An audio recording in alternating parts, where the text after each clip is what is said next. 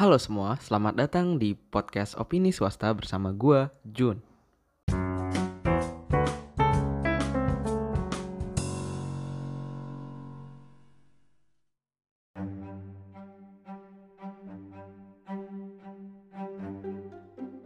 Pernah nggak sih kalian ada di fase di mana kalian udah nyaman banget sama semuanya?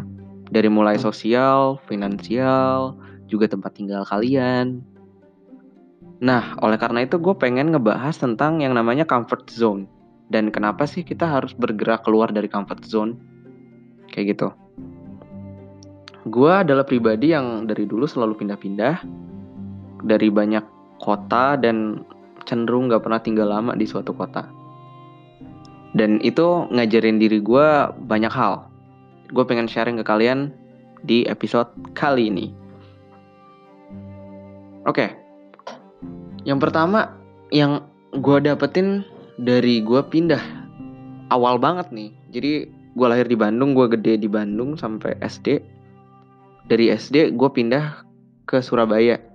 Nah, yang gue dapet pada saat itu, ya namanya juga anak kecil, gue merasa gue kehilangan teman gue teman-teman main gue yang ada di Bandung uh, bisa gue gua sebut kali ya untuk teman-teman gue yang mendengar gue gue kehilangan banyak kayak Nida, Dila, Avan, eBay, ya eBay shout out to eBay, lu temen yang baik banget di saat gue nggak punya Xbox lu ajak main, oke, okay. gue kangen lu banget pas gue di Surabaya. Jadi pas pindah ke Surabaya gue merasa gue nggak punya temen dan gue harus berbaur memaksakan diri. Pertama susah banget berbaur beradaptasi. Kenapa? Karena lingkungannya beda banget. Dan gue ingat banget di situ logat gue masih medok banget lah istilahnya Sunda banget pada saat itu. Pas itu kebetulan di Surabaya ada muatan lokal bahasa Jawa. Dan di situ kita belajar yang namanya Hono Coroko itu kita belajar huruf yang gue kayak hah ini apaan? Kok tiba-tiba udah aduh ini gue belajar bahasa apa sih? Gue kayak gitu.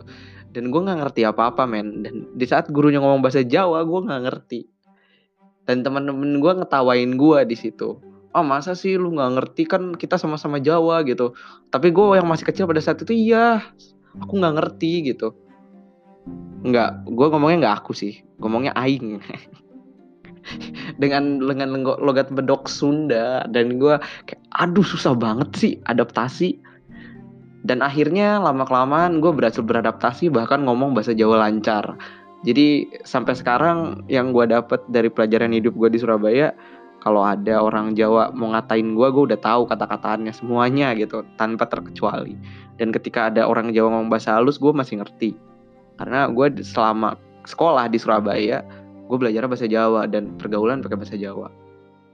Di saat gue berhasil move on dari teman-teman gue dan memaksakan diri gue untuk bergaul akhirnya gue menjadi growth gitu gue bisa beberapa bahasa akhirnya.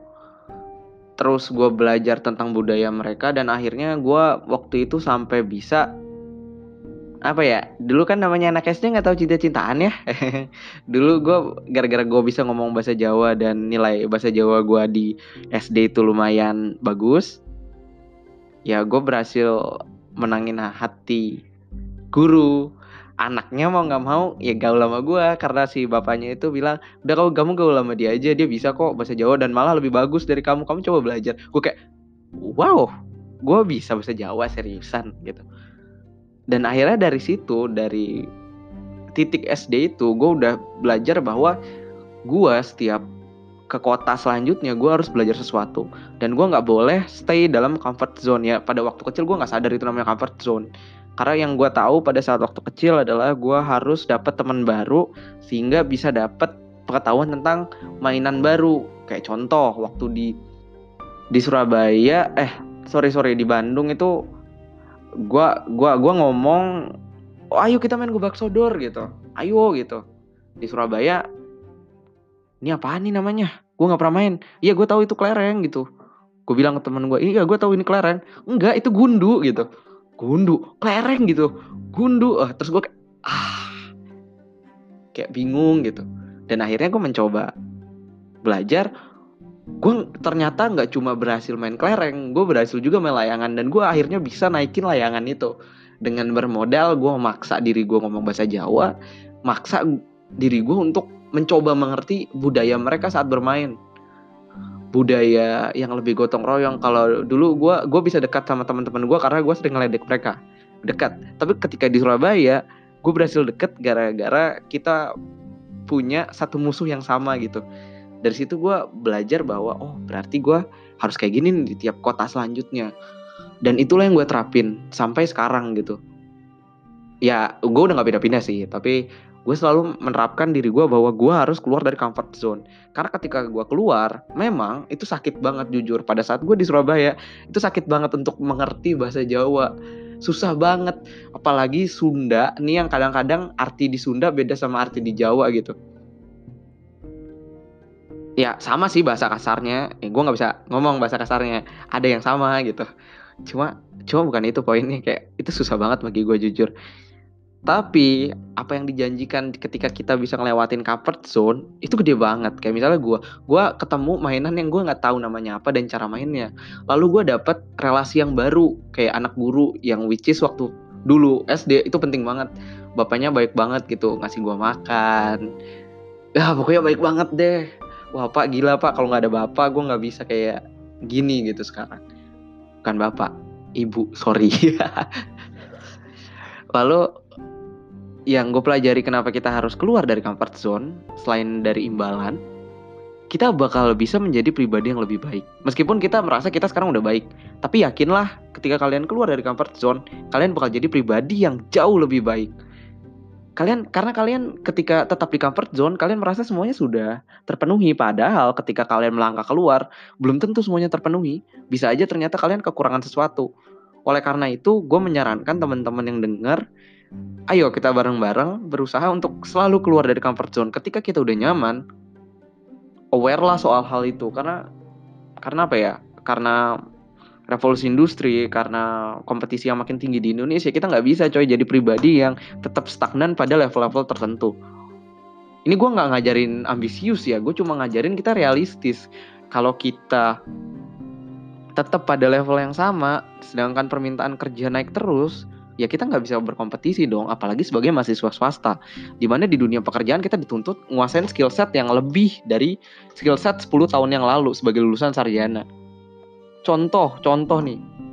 Uh, ini dari bokap gue bokap gue cerita waktu bokap gue kerja di salah satu bank di Indonesia dia berkata bahwa dia nggak sekeras itu berjuang iya dia berjuang keras cuma nggak seambisius nguasain skill set apa lagi gitu yang belum dan dia bandingin sama orang-orang yang sekarang, orang-orang yang sekarang memang dituntut untuk lebih kreatif dalam mengakali skill set, kira-kira skill set apa yang bakal bisa ngebantu dia di dunia kerja gitu. Kalau dari cerita bokap gue bokap gue yang masih kerja sampai sekarang pun tetap berkata bahwa memang zaman kita sebagai milenial itu bakal jauh lebih susah.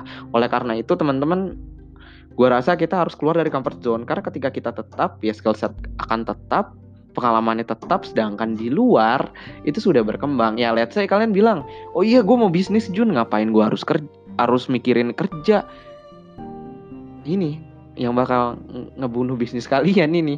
Ketika kalian stop belajar, ketika kalian percaya bahwa marketnya seperti itu saja, kalian bakal tergerus juga dan ter terdisrupt. Udah berapa sih bisnis yang terdisrupt di Indonesia? Contoh hotel.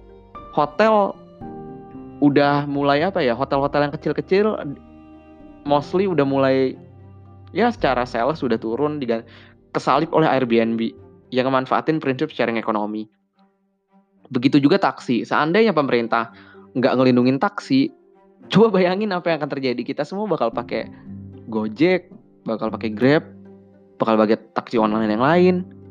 Begitu juga kurir. Begitu juga banyak hal gitu, co-working space contohnya. Ketika kita tidak beradaptasi ya kita bakal gagal. Seperti yang gue cerita soal pengalaman gue di Surabaya. Ketika gue waktu itu tidak memutuskan untuk belajar bahasa Jawa ya gue nggak akan punya temen. Ya gue nggak akan belajar yang namanya main gundu apalagi main layangan. Di mana waktu di Bandung gue nggak pernah main layangan. Bahkan megang layangan susah gitu. Kayak gitu men. Jadi ketika lu berhasil keluar dari comfort zone dan ngepush diri lu keluar dari comfort zone. Meskipun di otak lu sekarang adalah ngapain harus keluar dari comfort zone kalau gue udah nyaman. Ya dunia bergerak terus. Dunia selalu menuntut yang lebih. Oleh karena itu kita sesuaikan saja kemampuan kita dengan apa yang dituntut gitu. Dan pastikan yang dituntut itu juga apa yang kita mau. Jangan sampai kita ngelakuin yang orang bilang harus gitu. Tolong teman-teman kita udah mau lulus udah swasta dan kita lagi ngurus TA juga kan. Oleh karena itu pikirkan kembali apakah kalian pengen stay di comfort zone dan tertelan zaman? Karena berpikir semuanya udah aman nyaman dan ngapain gue berkompetisi? Atau kalian mau keluar dari comfort zone membuktikan bahwa diri kalian itu sebenarnya salah? Seperti yang gue lakukan pada waktu SD dan sampai sekarang masih gue lakukan. Gue ngepush terus diri gue untuk keluar dari comfort zone. Ketika gue udah merasa nyaman hal yang pertama kali gue lakukan apa? Gue mencari di internet skill apa lagi yang kira-kira kurang atau enggak gue mencoba tes untuk tahu kira-kira skill gue apa udah cukup untuk apa yang gue mau gitu. Kayak gitu. Jadi cukup gitu aja podcast yang agak panjang. Episode kali ini soal self development terutama keluar dari comfort zone. Gitu aja. Gue Jun pamit undur diri sampai jumpa di episode selanjutnya